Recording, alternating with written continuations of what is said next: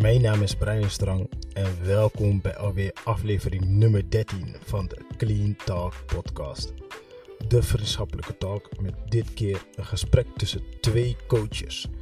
Als coach ben je van nature echt gewend om vragen te stellen en te luisteren. Maar dit keer mag er één van de twee volledig opengaan over haar eigen levensverhaal. En geloof me, ze was open. Met ze heb ik het over Serren van der Laar. Een datingscoach slash matchmaker met een waardevolle missie om liefde en optimisme samen te brengen. En dat juist in een wereld waarin perfectie en idealisme een grote rol spelen. Naar eigen zeggen had ze nog zoveel meer willen vertellen.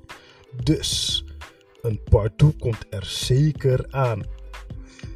Een korter maar fijn gesprek met een klein maar heel krachtig persoon. Echt geniet van een heel leuk gesprek en het levensverhaal achter datingsdeskundige Serren van der Laar.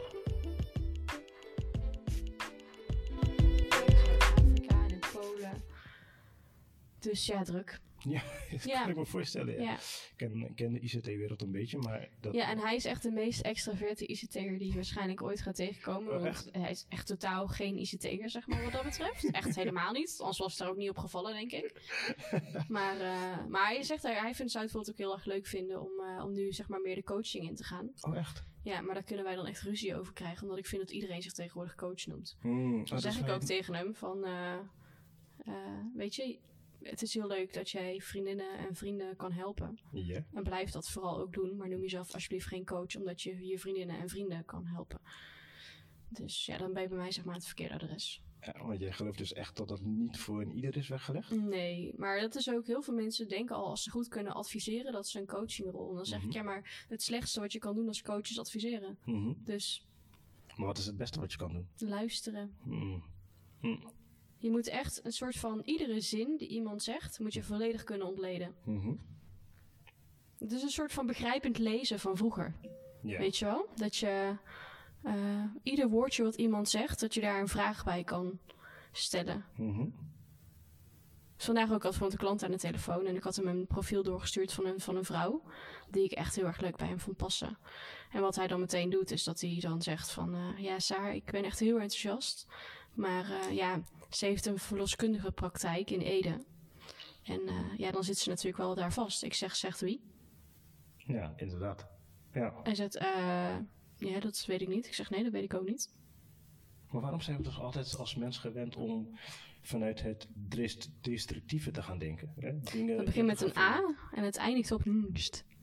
Ja, precies. Ja, ja, zou dat het zijn? Ja, Want, dat was bij hem ook. Hij vond het profiel zo leuk, dus het komt dan zo dichtbij. En dan ga ik maar iets bedenken. Gewoon saboteren. Ga maar iets Hmm. bedenken waarom ik het niet leuk vind. ja. En dat is dan zogenaamd dat ze een verloskundige praktijk heeft in Ede en daar dus blijkbaar niet weg kan. Wat een bullshit. dat hoeft helemaal niet. En, dan- maar dan is het wel mooi, want dan hoort... Het enige wat ik dan doe is gewoon vragen. Ja. Weet je wel, ik hoor hem zeggen, ik denk dat. Ja. En dan het enige wat ik doe is, zegt wie? Ja.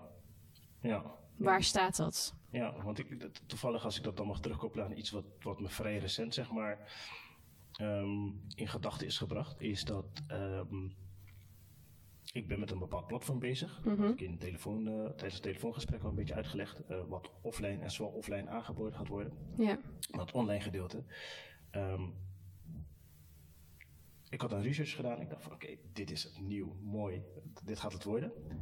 En ik kom het op een gegeven moment ergens anders tegen. En dan ben ik aan het. Dan komen bepaalde dingen komen dan naar boven. Van oké, nou, die is eraan gekoppeld, die is eraan gekoppeld. Dus omdat die eraan gekoppeld zijn, gaat het mij dus niet lukken om überhaupt te concurreren met hun. Oh ja. Ja, dat is echt een van de meeste dingen die wij als mensen doen. Op het moment dat iemand anders dat al doet en daar heel succesvol mee is, dan is er geen plek meer voor mij. Ja, precies. En dat is echt zo'n onzin. Nou, waarom Ja. is dat onzin eigenlijk?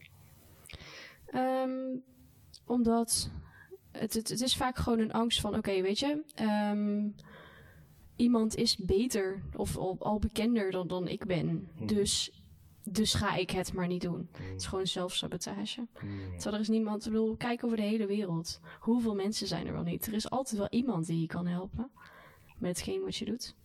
ja, ik uiteindelijk zie ik het gewoon als één grote pizza of hoe mensen het zeggen, een taart en iedereen eet daar gewoon wat van. Ja. Daar heb je elkaar wel gewoon mee nodig. En, ehm, wat je heel vaak dan ook wel eens ziet, is dat mensen elkaar gaan afvallen in plaats van juist, hè, laten we gaan verbinden. Hoe kunnen we elkaar Ja. sterker maken? Dat we, Nou, dat heb ik nu bijvoorbeeld bij DTNG gedaan, weet je wel. Dat ik Ja. zeg van, nou, laten we dan de handen in elkaar steken. Het geeft mij heel veel rust. Mhm. Ehm, want ik maak me daar ook schuldig aan. Dat ik dan denk van, ja, weet je, zij hebben dit allemaal al. En, oh jeetje, zij eh, gaan iets doen met radio. En ze, oh, ze staan in de FIFA. Allemaal concurrentie, concurrentie. Oh, dat moet ik dan ook doen. Ja. En nu is het echt van, nou, zij hebben dat gedaan. Ik werk voor dat bedrijf. Hun marketing is mijn marketing. Mhm. Ehm, ik support het juist alleen maar. Mhm. Weet je wel, super tof dat ze dat doen. En ik, eh, als ik iets mee kan doen, dan, dan doe ik het graag. Ja. Ze hebben mij daarin weer nodig, omdat ik natuurlijk een Brabander ben. Ja. En zij hun naam wil ik groot maken in Brabant. Ja, daar zul je toch echt een eh, interne Brabander voor nodig hebben, wil je dat snappen. Yep. Hoe dat, dat werkt. Het is echt zo'n ons kent ons cultuurtje. ja, precies. Brabanders lijken altijd heel gemoedelijk en heel toegankelijk, Mhm. totdat je er komt. Mhm. Ja, Ja, toch wel? ja, ja zeker als buitenstaander. Hmm. Oké. Brabanders onderling niet, maar... Ik, ik, ik dacht juist eh, hè, ehm, dat het voor een ieder echt, tenminste zo heb ik het ervaren zo. Oké, het ligt daar natuurlijk ook welke omstandigheden, maar als je daar bent, dan is het gewoon echt super gemoedelijk en die mensen zijn zo vriendelijk en zo open. En hè, laatst had ik het ehm, met iemand erover, die eh, kwam ik tegen, die zei van ja, weet je, ik ben gewoon helemaal klaar met, dat, met het Rotterdamse leven, joh. Ja. Ik heb de scooter heb ik gepakt. En ik ben op de scooter ben ik naar Breda gereden. Ik zeg, Breda. Los daarvan. Ik zeg van gewoon puur omdat ik, hè, ik wilde landschap, cultuur wilde ik gewoon even, even snuiven onderweg. En tegelijkertijd eh, in een hele andere vibe gaan zitten. Wat totaal tegendraads is aan dat, ehm, hoe noem je dat, dat hoogmoedige, de hoogmoedige vibe, zeg maar, wat je hier heel vaak... Ja, het stadse. Ja. Ja, klopt. Ja. het is ook wel anders, maar toch, weet je, Brabanders laten niet het achterste van hun tong zien. Hmm. Dat is zeg maar het grote verschil met de Randstad. Weet je wel, jullie, jullie schreeuwen, jullie roepen, maar jullie zeggen het wel. Wij zeggen het gewoon niet. Hmm. Dus wij lijken inderdaad op de voorgrond heel toegankelijk, heel gemoedelijk, heel gezellig. Kom erbij. Maar laatst Maar wij laten niet het achterste van ons tong zien. Pas als je een zei Brabander bent. Laatst zei je dus heel mooi tegen mij van, ja, ik zeg gewoon met wat ik denk. En dat, sowieso heb ik dat gewoon wel gemerkt, hè. Maar je Mhm. zegt gewoon met wat je denkt. Dus daarin verschil je dan dus weer van de, van de modale Brabander. Klopt, maar ik weet niet of dat je naar mijn stem hebt geluisterd. Ik denk dat ik mezelf sowieso geen Brabander mag noemen in dat opzicht. Weet je, ik ben, ik ben zeker wel in hart en nieren ben ik echt wel een Brabander, maar Mhm. ik ben wel een Randstadter geworden. Door mijn werk, eh, styling, dan op een gegeven moment wordt er ingeramd Mhm. dat je een bitch moet zijn. Mhm. Dus eh, dat je inderdaad het achterste van je tong laat zien en dat je direct bent en dat je jezelf niet laat ondersneeuwen, want er is altijd weer iemand beter dan jij. Mhm. Dus hè, een soort van hoogmoed komt voor de val. Ja. Nou, dat heb ik echt wel geleerd. En ook in Hilversum, dat, dat is niet anders. Dus ja. Hmm. Ja. Ja. Dus Nee, maar ik ben ik, maar daarin ook, en dat, daar ben ik heel trots op. Ik ben wel, ik ben altijd heel erg dicht bij mezelf gebleven. En ik ben altijd heel lief gebleven. Ik ben niet iemand die gaat katten. En ik ben niet iemand die gaat backstabben. En ik ben niet iemand die roddelt. Dat ben ik nooit geweest. En toen kwam ik in een wereld die dat wel heel erg deed. Mhm. En ik heb dat nooit gedaan. Hoe ging je daarmee om? Ik moet ervan afzonderen. Ja, echt waar? Ja, ik kon dan echt op een afstandje gaan zitten kijken. En dat ik bij mezelf dacht van, weet je, doe maar. Veel plezier ermee. Ik heb mezelf gewoon altijd op mijn eigen eilandje gegeven. Maar vond je dan niet vervelend om juist, omdat je dus jezelf wel moest mengen in die wereld, om ehm, ook echt in die wereld te zijn? Ja, nee. Want ehm, ik merkte juist doordat ik mijn eigen ding deed, Mhm. dat je andere ingangen krijgt. Mhm. Ik ben uiteindelijk voor JFK bijvoorbeeld gaan werken, een mannentijdschrift. Mhm. Waarom? Juist omdat ik dat lieve en dat Brabants en dat fijne had, wat, wat mannen heel erg aan, juist heel erg aantrekt. Ja. Dus die mannen hadden zoiets van, ja, wij, wij willen niet zo- zo'n kattenkopstylist eh in ons team. Oh, dan moet je Sharon hebben, want dat is, eh, dat is iemand die wel echt eh, heel warm hart en vriendelijk en meedenken en Ja. heel toegankelijk is. Dus ik heb het nooit gezien als een, als een beperking of zo. En achteraf is dat natuurlijk ook wel omdat styling niet echt is wat ik wil doen in mijn dagelijks leven. Hmm. Nee. Dus ik ben niet in hart en nieren dat ik heel erg moet vechten voor mijn plekje. Hm. Ik heb dat gedaan en ik vind het leuk. En ik doe het nu af en toe nog. En ik vind kleding vind ik hartstikke leuk. En ik vind mode hartstikke fascinerend. Maar ik weet echt niet wat Chanel deze keer weer op de markt gaat zetten. En het interesseert me ook niet. Nee, toch niet? Nee. Nee. Ik vind het veel leuker om dan met iemand mee te kijken van wat is jouw persoonlijke stijl. En ehm, hoe kun je dat, eh, hoe kun je dat verbeteren of veranderen. En ik help nu natuurlijk nog heel veel mensen die gaan daten. Hè? Mhm. Dat is dat natuurlijk een beetje sectorwerk in zit. Eh, als ze dan gaan daten en ze krijgen drie keer de terugkoppeling van ja, ik, het leek een beetje alsof mijn moeder op date ging. Oh, echt waar? Ja, dan grijp ik wel in. Dan grijp ik wel in en dan ga ik wel een gesprekje aan of dan ga ik een keer langs en dan ga ik kijken eventjes mee in de kledingkast en dan Hm. ehm, ja, dan zorg ik ervoor dat ze daarna weer fris en fruitig op date kunnen. Dus ook van de feit, eh, eh, want hoe je erover begon en, en eh, als ik dan gewoon ook naar je profiel kijk en hoe we het ook in jouw podcast zeg maar hebben besproken, dan leek het mij dus meer dat er meer mannen zeg maar op je afstappen, maar er zijn dus ook gewoon genoeg vrouwen die dus op je afstappen om op zoek te gaan naar de juiste date. Zal ik je vertellen dat ehm, ik denk, en dan spreek ik denk over ieder relatiebemiddelingsbureau in Nederland. ehm, waar blijven die mannen? Echt waar? We hebben heel veel vrouwen. Hmm, Ja, Oké. en dat heeft waarschijnlijk, en dat, nou waarschijnlijk, dat heeft met het mannelijk ego te maken. Mannen die eh, vinden het natuurlijk niet stoer om tegen hun vrienden te vertellen dat ze geen, geen chick kunnen scoren. Hmm, Dus ja, dan blijf je maar net zo lang aanklooien totdat het wel lukt. ja. Tot je 55 bent en denkt: Oké, ik heb nu echt alles geprobeerd. Iedereen is inmiddels gesetteld. Laat, Ja. ik, eh, laat ik het nu ook maar serieus aanpakken. Maar echt de mannen tussen de 40 en de 50, dat is echt niet aan te komen. Terwijl die vrouwen van die leeftijd, die hebben we echt een overvloed, zeg maar. Ja, ja, vrouwen zijn daarin ook veel meer. Of hebben, we, die hebben vaak een, een- nog een kinderwens. Of hè, de, echt wel de, ja, de, de sterkte om dat dan heel erg ja, serieus aan te pakken, zeg Ja. maar. Ja. En die vinden dat zelfs ook nog best wel tof. Dat gewoon iemand met ze meekijkt. En eh, die, die komen daar veel meer voor uit. Terwijl volgens mij dating sites, die stromen weer over met mannen. Want al die single mannen, die vinden het wel stoer genoeg om op eh, Lexa, Parship een profiel aan te maken. Want ja, dat ziet toch niemand. Mhm. Maar om een matchmaker in armen te nemen, nee, dat, eh, dat ik daarvoor moet gaan betalen? Oh nee, jeetje, nee, laat maar. Maar te- tegelijkertijd betalen ze dan dus wel weer voor zo'n dating site. Ja, maar dat hebben ze dus soms zelfs niet door. Ja. Ja. Ik heb dat laatst ook een keer tegen een man gezegd. Ik zeg, ja, maar wat, wat, wat ben je nou inmiddels zo kwijt aan al dat daten Ja. eh, via Parship of waar je dan ook op zit? Ja, toch wel richting de 2000 euro. Wauw. Ik dacht, oké, nou dat is eh, zeg maar, je daar, nou ja, voor, iets meer kun je je gewoon bij ons aanmelden. Dan weet je in ieder geval zeker dat je kwaliteit dates krijgt en Ja. dat je misschien wel veel gelukkiger eruit komt. Maar ja, dat, dat, dat zit er dan niet in. Nee. Dat, eh, maar dat komt wel. Ik ben ervan overtuigd dat komt wel. Als dit straks wat, meer- wat bekender wordt en je merkt het al bijvoorbeeld met Married at First Sight en al dat soort programma's. Ja. Eh, first Dates. ehm, eh, je hebt dat, dat andere programma in, dat, in die villa, weet je wel, waar ze dan 24 uur opgesloten Mhm. zitten. Ehm, ik kom even niet op de naam, dat maakt het niet uit. Je merkt gewoon door dat soort programma's dat het taboe over het vinden van een partner op een andere manier dan dat je het zelf doet, Mhm. dat dat wel steeds minder wordt.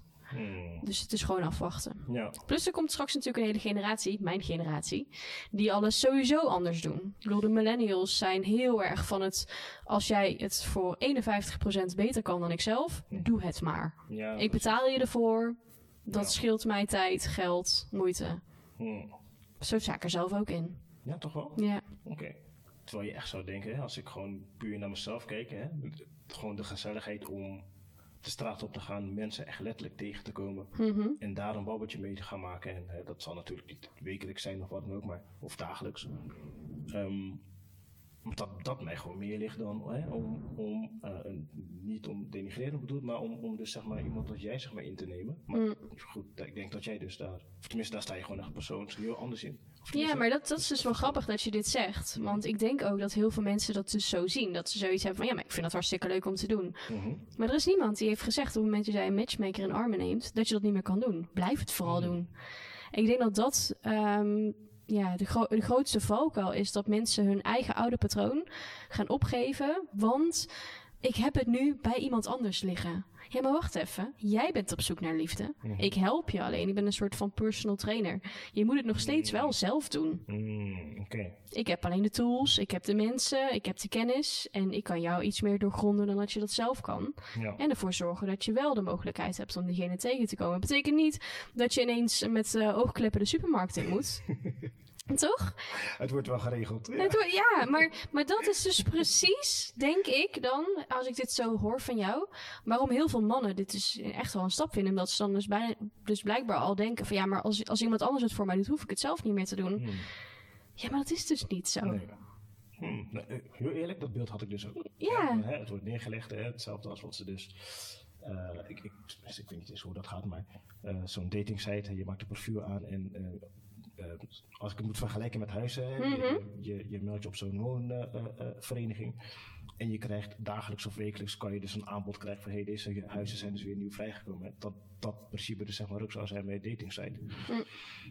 D- Die gedachte had ik dus van, hè, ja, ze meldt je bij je aan, ja, je hebt inderdaad to- de tools, tips en trucs. Ja. En ehm, jij geeft een belletje of wat dan ook van, hé, hey, er is iemand weer beschikbaar. Maar dat is het dus niet. Nou ja, ik, denk dat als je het, ik vind het een hele mooie vergelijking met, Hmm. met de huizenmarkten. Mhm. Want wat doe je op het moment dat jij op zoek gaat naar een nieuw huis? Eh, Je schrijft je in, je gaat kijken, zoeken, eh ja, Funda op. eh, Ja, oké, dus je meldt je aan op Funda en dan? ga je op zoek naar de regio waar je zeg maar een huis zou willen hebben of de regio's. Mhm. En dan?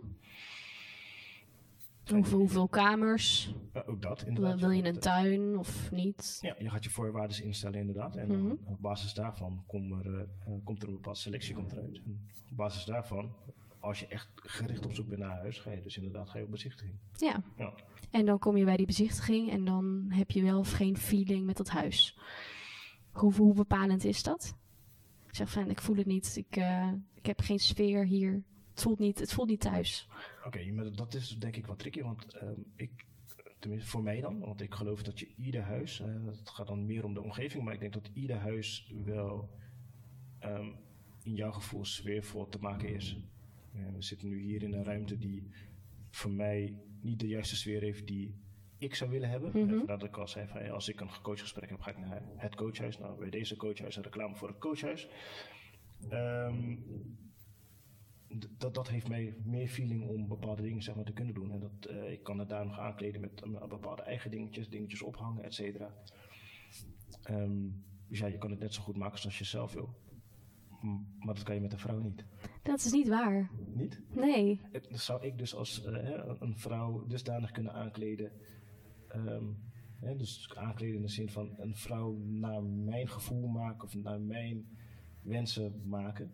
Nou, ik zeg niet dat je een vrouw naar jouw wensen kan maken. Maar ehm, hoe ik het meer bedoel is dat ehm, als je zeg maar dat huis voor de eerste keer binnenkomt. Ja. Je hebt daar een gevoel bij, toch? Ehm, je voelt het of je voelt het niet. En dat is wel heel belangrijk. Als je het gevoel wel hebt, maar je denkt bij jezelf, ja, die keuken, nou, is niet helemaal mijn smaak. Daar, daar ga ik verandering in brengen. Of, ehm, nou, die, de muren wil ik graag even iets anders hebben. Je, je gaat iets, en in dit geval dus iemand, Mhm, op een gegeven moment, hè, de basis is er. mhm. En op een gegeven moment leer je elkaar beter kennen. En dat is natuurlijk dan als je dan weer terugkomt op dating. Ja. Ehm, dat je op een gegeven moment denkt van oké, ehm, welke karaktereigenschappen van iemand vind ik leuk? Mhm. Eh, welke uiterlijke kenmerken vind ik van, van iemand, iemand leuk? En in eerste instantie dan is het een soort van klik van oké, dit voelt in ieder geval goed. Ja. Oké, laten we hieraan gaan werken. En dat, eh, zeg maar in vergelijking met, met dat huis, hè, eh, wat mensen dus wel op funnen kunnen, maar dus niet bij daten kunnen loslaten, is dat ze iets inderdaad een kans gaan geven. Dat ze door doorheen kijken dat er lelijke rode gordijntjes hangen. Dan kan iets heel moois, kan daar uitgroeien. Ja. Ja. Ja, oké. Ja. Maar je moet er wel een gevoel bij hebben. ja, precies. En dat wat ook heel vaak natuurlijk gebeurt wanneer je op zoek gaat naar een huis. Je kan wel invullen, ja, ik wil drie slaapkamers en het moet eh, dicht bij het centrum en in die regio. En eh, nou, het mag zoveel kosten. Dat is natuurlijk ook een belangrijk onderdeel. Ja. En dan kom je er en dan denk je, nee, dat is totaal niet wat ik eh, voor ogen had, zeg maar. Wat, wat ik wil. En ineens rij je samen met je geliefde door een straat en je ziet een verkoopbord staan bij een huis. En je denkt, hé, hey, dat is een leuk huis. Maar dat huis heeft misschien maar twee slaapkamers in plaats van drie. Ja. En woont, is toch net even iets verder uit het centrum. Maar je hebt wel zoiets van, ja, hé, hey, maar dit vind ik leuk. Mhm. Dit, hier, hier voel ik me goed bij. Ja. Ja. Hier, hier heb ik die klik. Ja. En dat is wat met daten ook heel vaak gebeurt. Hmm. Hè, bepaalde basisdingen zijn heel belangrijk.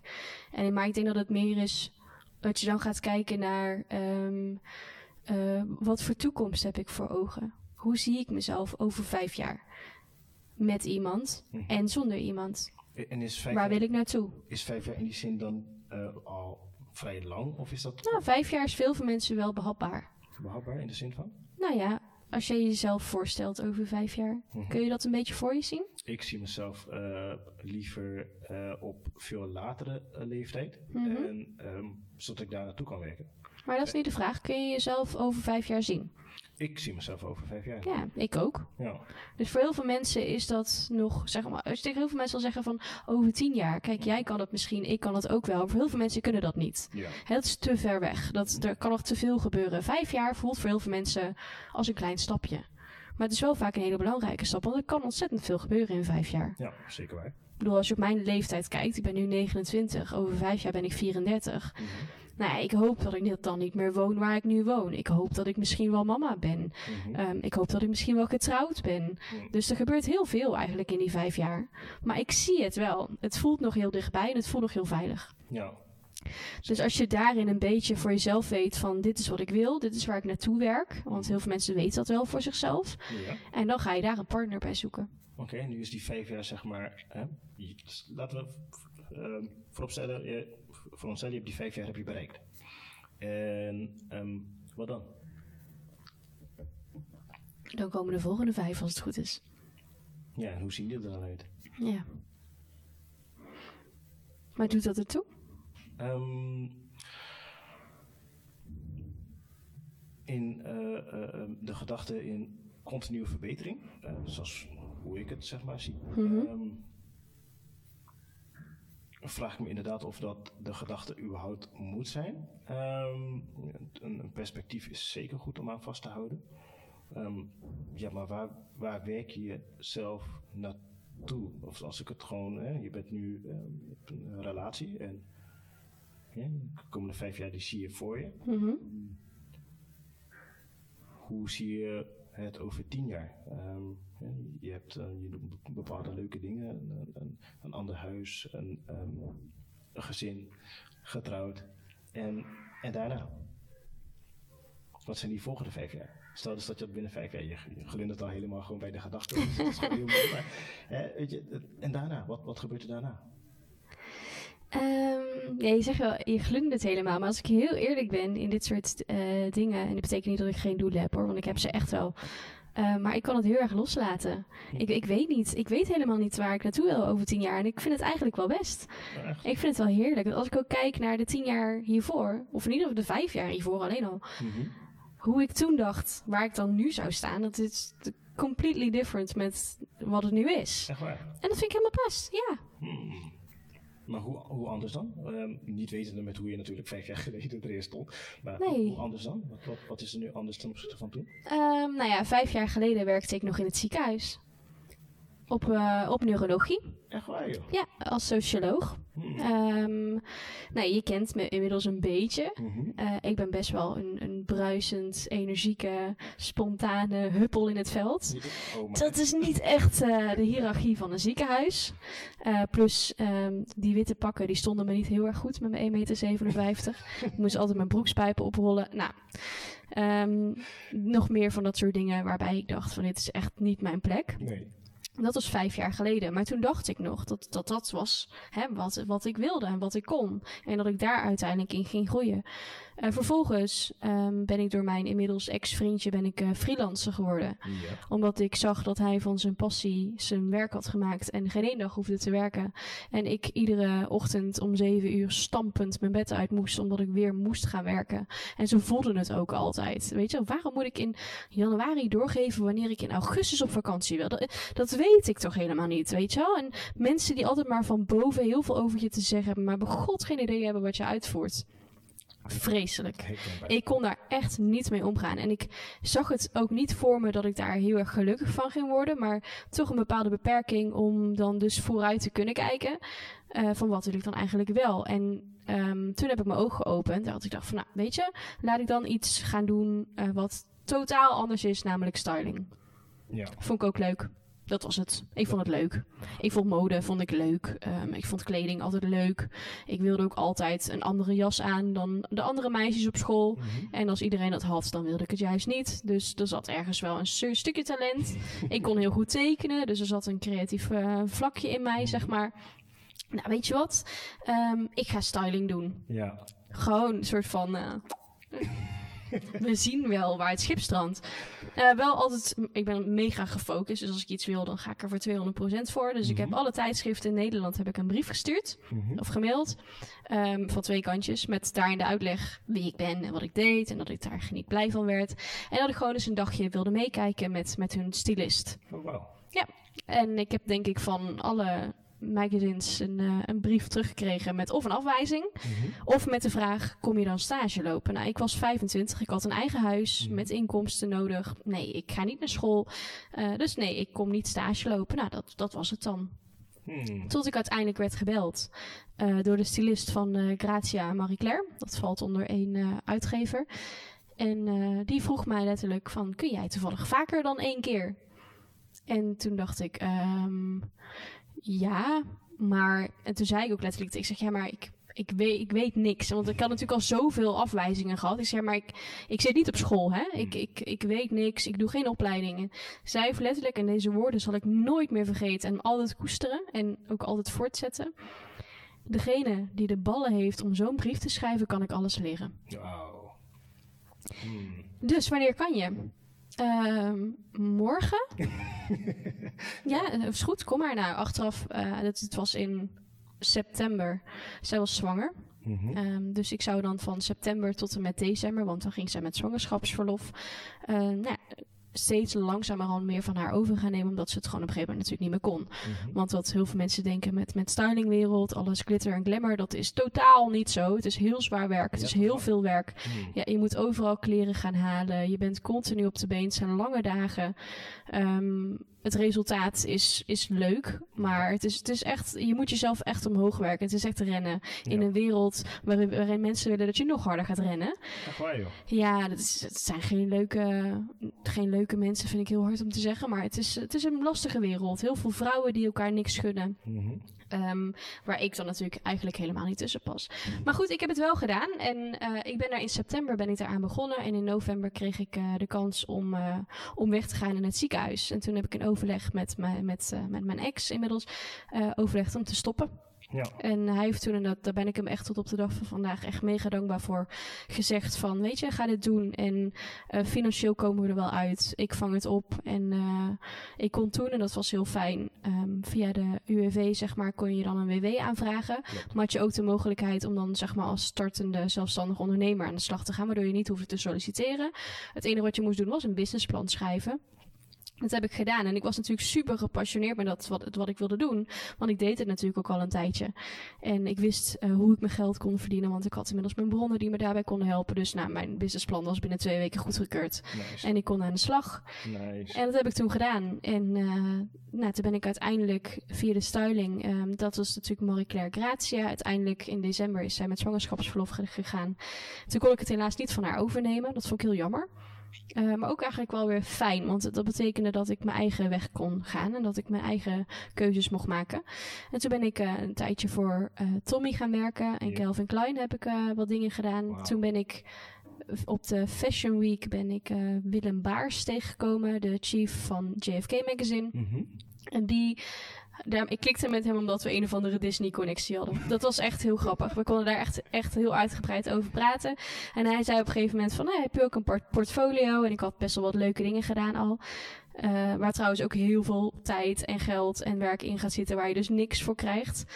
Eh, dus dat moet je ook maar willen. Het is Ja. echt doorzetten. Mhm. Ehm, nou, en hij heeft mijn portfolio gezien en hij zei, nou, superleuk, zou je iets voor ons willen doen?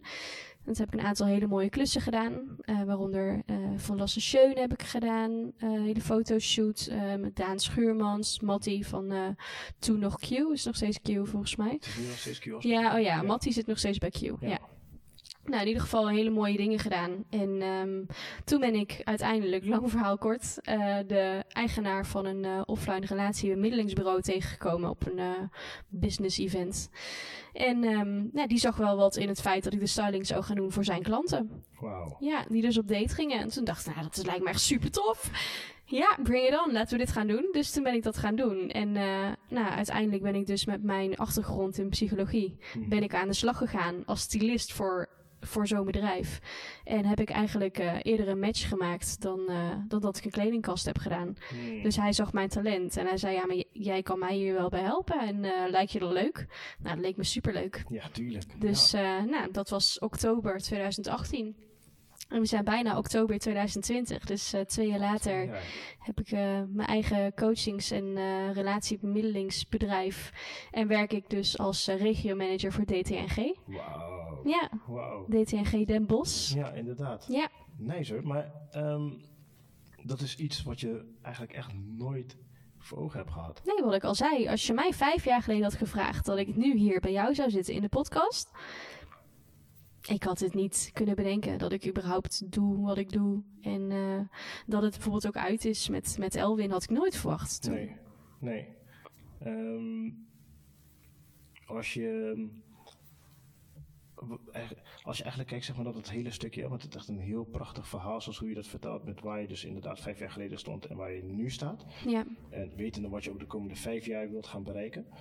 Ehm, zijn er zeg maar, in die periode bepaalde blokkades geweest die je in gedachten hebt meegenomen, maar die je misschien ehm, hebben geblokkeerd op meer of beter? Oh, kun je deze uitleggen? Ehm, soms hebben we wel eens komen bepaalde situaties mee dat we, misschien had het dus al gewoon veel eerder kunnen zijn, dat je dus in die coachingswereld terecht had gekomen. Of op een hele andere manier een bepaalde situatie had, had, eh, had kunnen eh, aanpakken. Maar puur omdat we dus bleven hangen in, in, in ehm, blokkerende of demotiverende gedachten, zeg maar, ehm, kom je gewoon niet tot bepaalde uitingen. Ehm, nou ja, als ik heel eerlijk ben, heb ik daar eigenlijk niet zo heel veel last van gehad. Nee, niet? Mooi. Nee. Mooi, dus eh, ja, ja goed. Los van, hè, eh, je benoemde het net al. eh, eh, nou, je weet hoe ik mijn dag zeg maar, een beetje ben gestart, dus het was niet zo heel fijn. en dan hoor ik jou, hoi, ik ben er. En ehm, ja, Ja. boom, je zet gewoon gelijk aan. Energie. Super veel energie breng je gewoon over. Mhm. Dat is het dus al die tijd voor jou geweest. En door jouw energielevel hè, ben je altijd in staat om gewoon heel positief te blijven denken. Dat en mijn ehm, ultieme ongeloof in toeval. Hmm. Dat heeft mij echt gebracht waar ik nu ben, denk ik, dus zonder die blokkades. Mhm. En waarom is omdat mensen die, althans voor mijn gevoel, mensen die geloven in toeval, geloven niet in zichzelf. Hmm.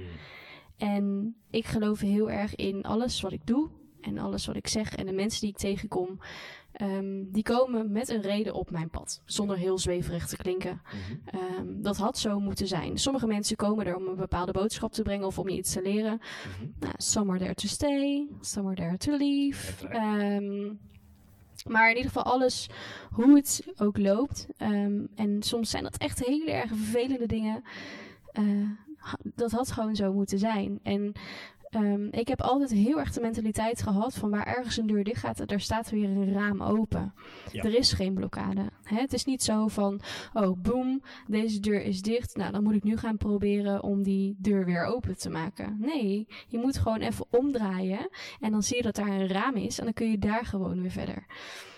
En dus ik ben, ja, weet niet. Ik heb nu niet echt het gevoel gehad dat ik ja, echt blokkades of zo ben tegengekomen op deze hele weg niet.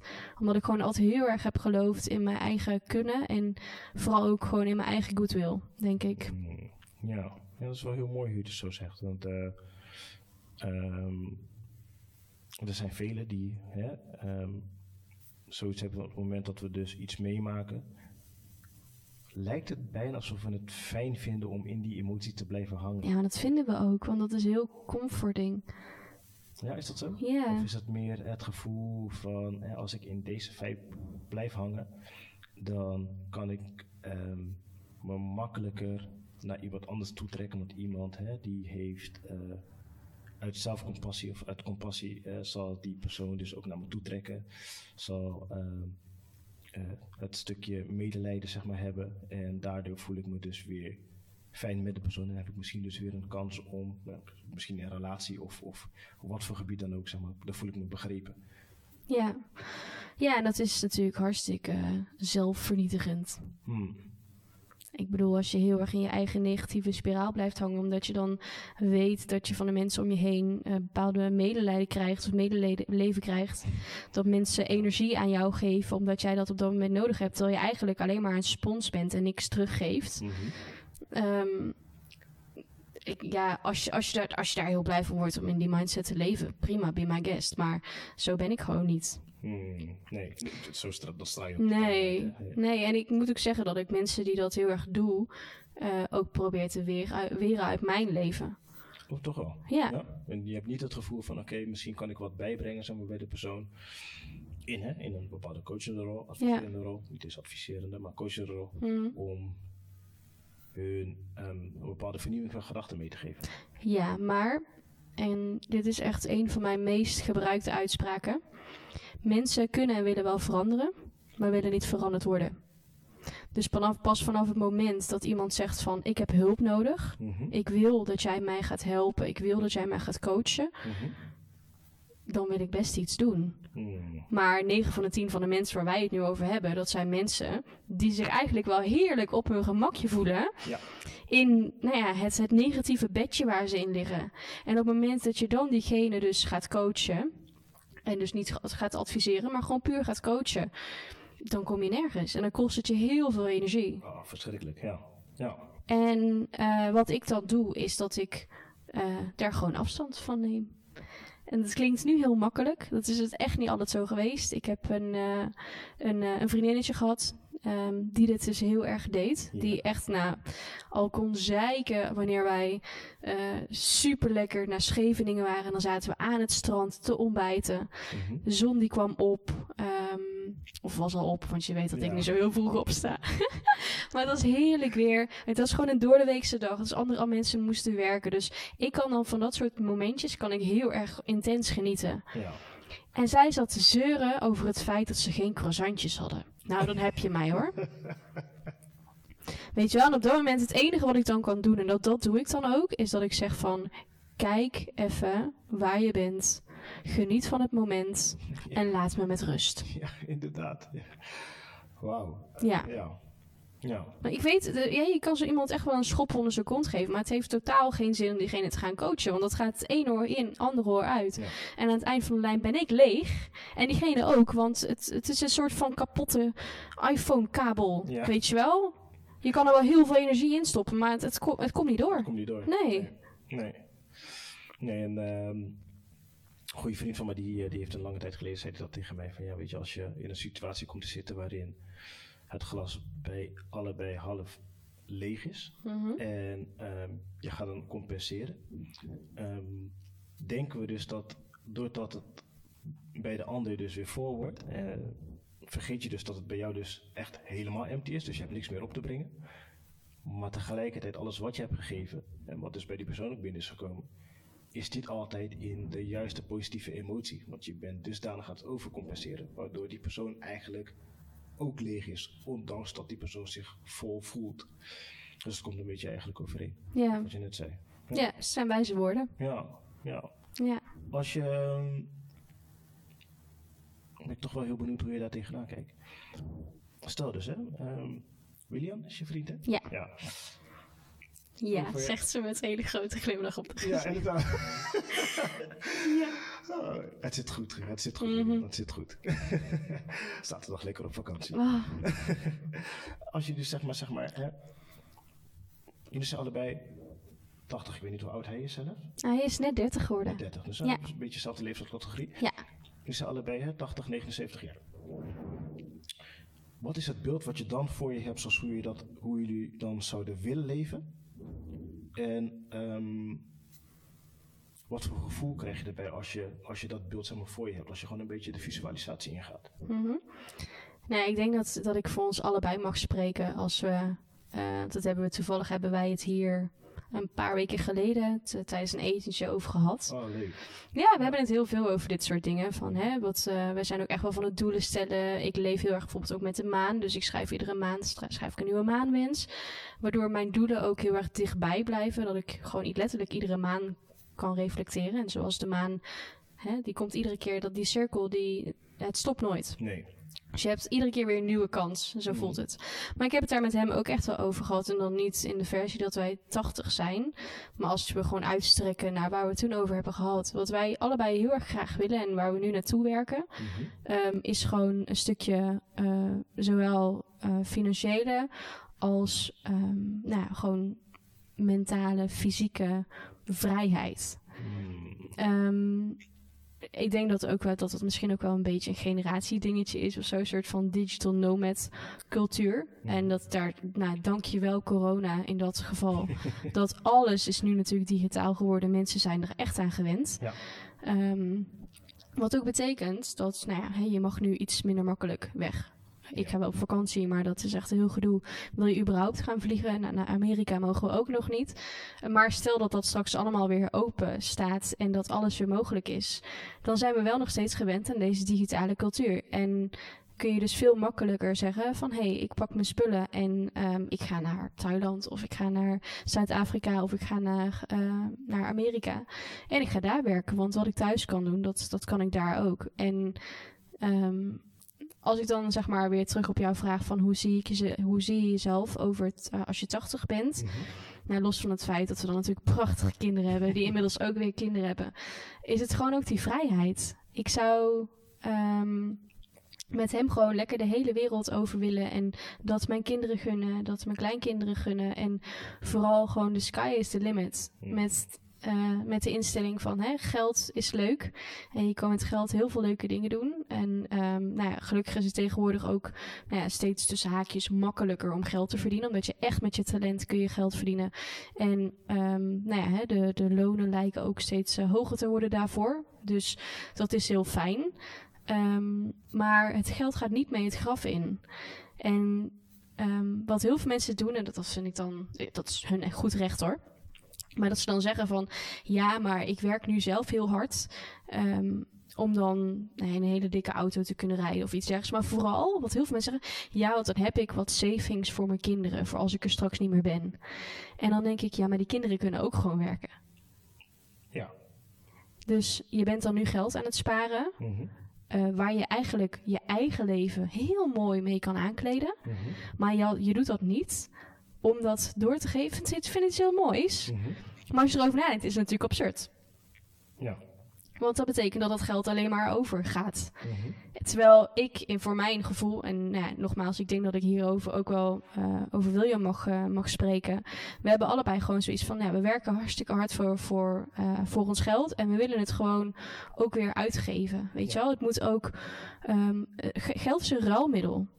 En als het op de bank staat of het, of het ligt in de portemonnee, ja, dan gebeurt daar niks mee. Je moet daar weer, hè, het moet, met geld maak je geld. Dus op het moment dat jij ook het, het, het zijn afgeeft naar het universum of, of hoe dan ook, dat jij er mee bezig bent en dat het werkt, dan komt het ook weer bij je terug. Ja, uiteraard.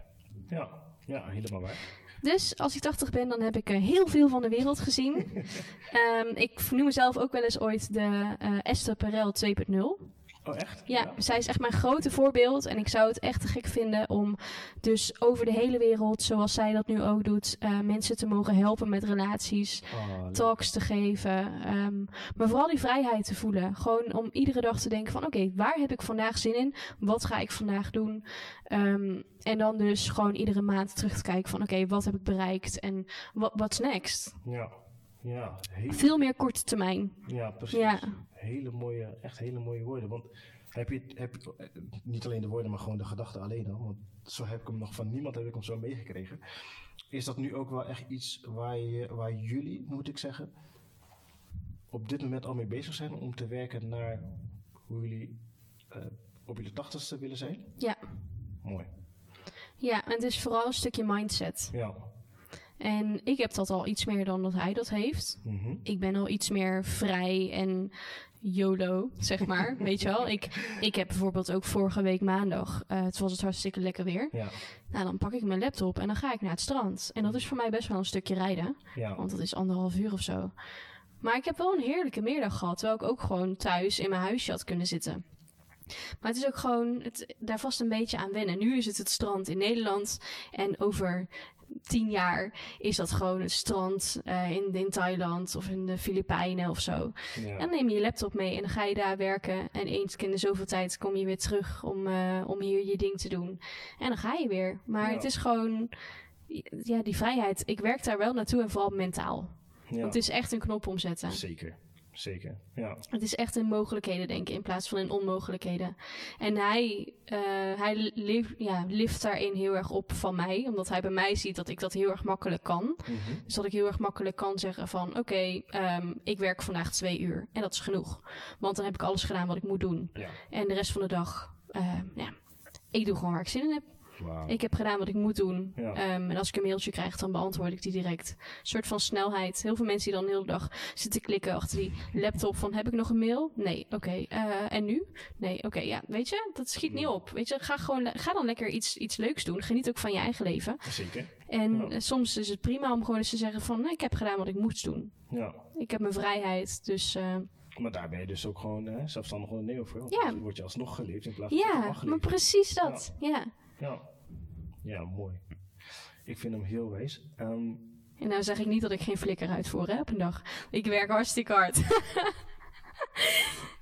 je hebt gewoon de vrijheid om Ik te heb gewoon de vrijheid, wat ja. je wilt doen in de tijd. Ik hoef niet met die mensen mee op date. Nee. Ik moet alleen regelen dat het geregeld wordt. En als ik dat gedaan heb, nou dan is het aan hun. Ja, ja je, je, hebt gewoon, je mag gewoon doen met wat jij wil doen. Ja. Daar heb je nu de tijd voor. En je mag de tijd mag je gewoon zelf bepalen. Ja.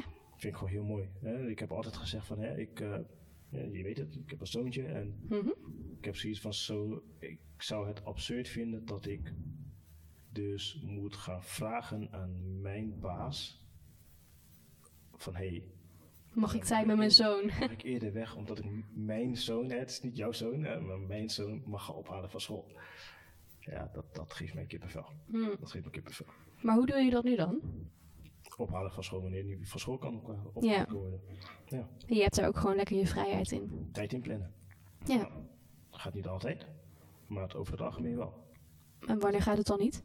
Eh, op momenten dat, ehm, dat je echt dusdanige meetings zeg maar, hebt waar je gewoon niet onderuit komt. Hè? Je bent ehm, afhankelijk van de tijdstip of de, de tijdstippen van anderen ook. Ja, Ja. Goed, dan gaat het niet. Nee, nou dat is wel wel herkenbaar. Je kan er gewoon vaker zijn voor hem dan dat ik dat bijvoorbeeld vroeger heb meegekregen. Dus ja, en dat is al voldoende. Ja. Dat is, daar hou ik me weer tijd. Ja, en ik heb dat juist ook wel weer met, met hoe dat ik ben opgevoed, weet je. Ik kom eh, uit de generatie waarin moeders gewoon nog thuis waren. Ehm, zeg maar, de, de basisschool was dan om 12 uur uit en dan mocht je tussen de middag thuis gaan eten. En dan ging je daarna weer terug en dan ging je naar school tot half vier en dan ging je bij een vriendinnetje spelen, eten, sporten, slapen en de volgende dag was het weer hetzelfde. Ja.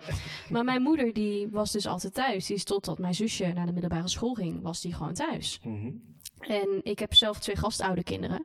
En ik ben hartstikke dankbaar dat ik voor hun mag zorgen. Maar dat is omdat hun ouders dus werken. Ja, Allebei. ja. En die werken heel hard om dus op vakantie te kunnen, een tehuis te betalen en wat extraatjes eh, en natuurlijk kleren en alles voor de kinderen en voor zichzelf.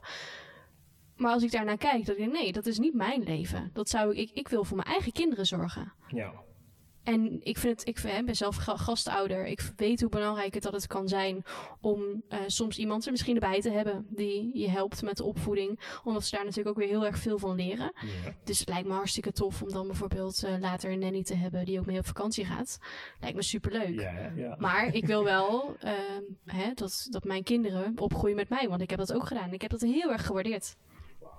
In mijn eh, opvoeding. Dus Nou, Ja. ik, ik- hetzelfde. Hè. En Destijds had ik dan eh, met mijn oma. En eh, de situatie waarom, dat weet je. En dat, de luisteraars die, eh, die weten dat inmiddels ook wel. Daar Ja. heb ik uitvoerig over gesproken. Ehm, maar ik kon gewoon altijd bij mijn oma terecht. En ehm, er was altijd gewoon iemand voor je destijds die...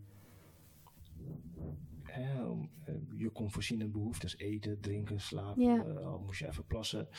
Wat dan ook. Er was gewoon altijd iemand. Al wilde je even uithuilen. Er was gewoon altijd iemand. Ehm, nu is dat gewoon heel, ja, in een hele andere wereld. En vandaar dus dat, dat mijn mindset zo zit. Ik moet en zal er altijd voor hem zijn. Ja. Op het moment dat, dat, hij, eh, dat hij mij nodig heeft. Ja, ik vind dat kinderen nu, en het klinkt misschien heel denigerend en zo bedoel ik het helemaal niet, maar dat kinderen nu bijna worden opgezadeld met de werkdag van hun ouders. Ja. Want een kind wordt 's ochtends heel vroeg naar school gebracht omdat papa en mama om 9 uur op werk moeten zijn. Mhm. Zijn de kinderen al bij de voorschoolse opvang om 7 uur. Vervolgens hebben zij een hele dag op school waar ze inmiddels overal continu rooster hebben. Ja. Dus op school eten. Uiteindelijk is die school uit om 2 uur, half drie ongeveer. Half drie. Dan ga je naar de, naar de naschoolse of de buitenschoolse opvang Ja. tot een uur of zes, want dan is mama klaar en die komt je ophalen. Ja. Je hebt gewoon net zo lange werkdag als je ouders. Ja. Ja. Eh, ja, nee, ik wil dat niet. Nee, althans voor mijn kinderen wil ik dat niet. En nou ja, weet je, helemaal prima dat het, dat het zo is en dat andere mensen daar wel gewoon heel oké mee zijn. Maar ik ben dat gewoon niet. Ik weet nog hoe heerlijk het vond om gewoon lekker naar huis te kunnen als ik dat wilde. En dan was mama was daar. En als ik thuis wilde spelen, dan wilde ik thuis spelen en dan kon dat ook. Ja. Ja, mooi is dat, hè? Ja. Hele andere Gewoon eh, dat, dat, je, dat je Sinterklaas had gevierd en dat je dan s ochtends op je sloffen naar school ging omdat je die had gekregen voor Sinterklaas. Ja. Weet je wel dat het gewoon kon? Ja. Ja, ja, maar leef je in een andere wereld lijkt het nu wel. Terwijl het nog steeds dezelfde wereld is. Ja. ja, de bol zelf die daar staat is niet veranderd. Dus Nee, nee.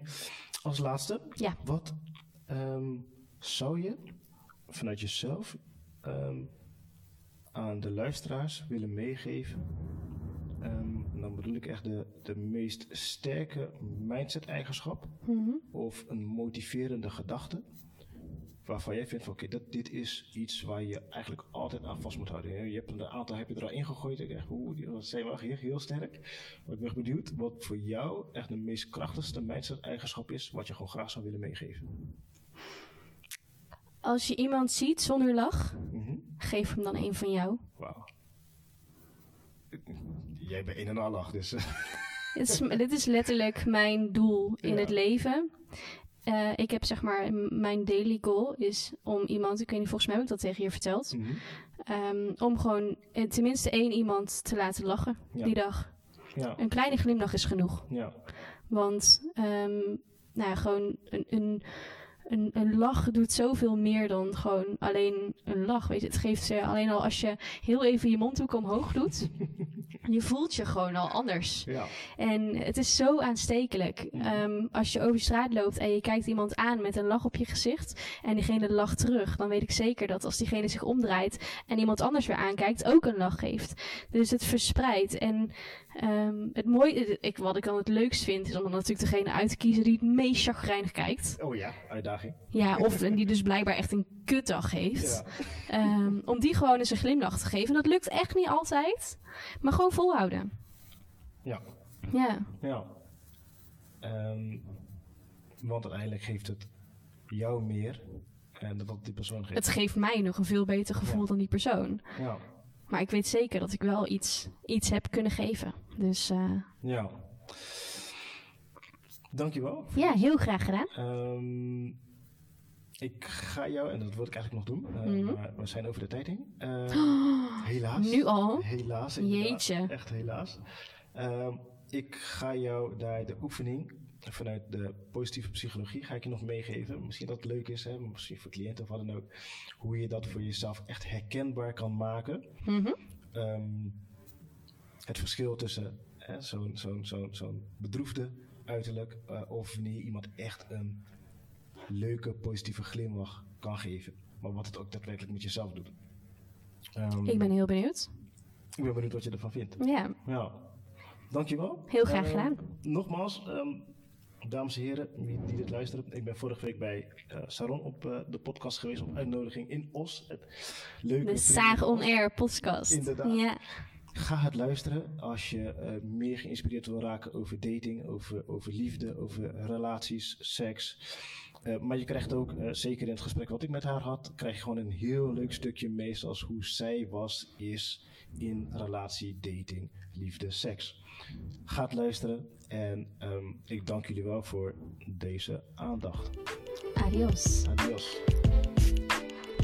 Super dank voor het beluisteren van deze aflevering van Clean Talk. Ik hoop dat deze podcast jou vanuit herkenning heeft gemotiveerd en geïnspireerd om het vervolgens toe te kunnen passen op jezelf. Ik zeg altijd: conversaties zorgen voor verandering. Dus als jij denkt dat dit van meerwaarde kan zijn voor een ander, alsjeblieft deel, deel, deel, zodat ook zij dezelfde inspiratie en motivatie mogen toepassen in hun leven. Wil je daarnaast ook nog op de hoogte blijven wanneer de volgende afleveringen uitkomen? Klik dan op de volgknop of volg mij via social media en blijf up to date. Nogmaals dank ik jou voor het beluisteren en ik zie je bij de volgende Clean Talk.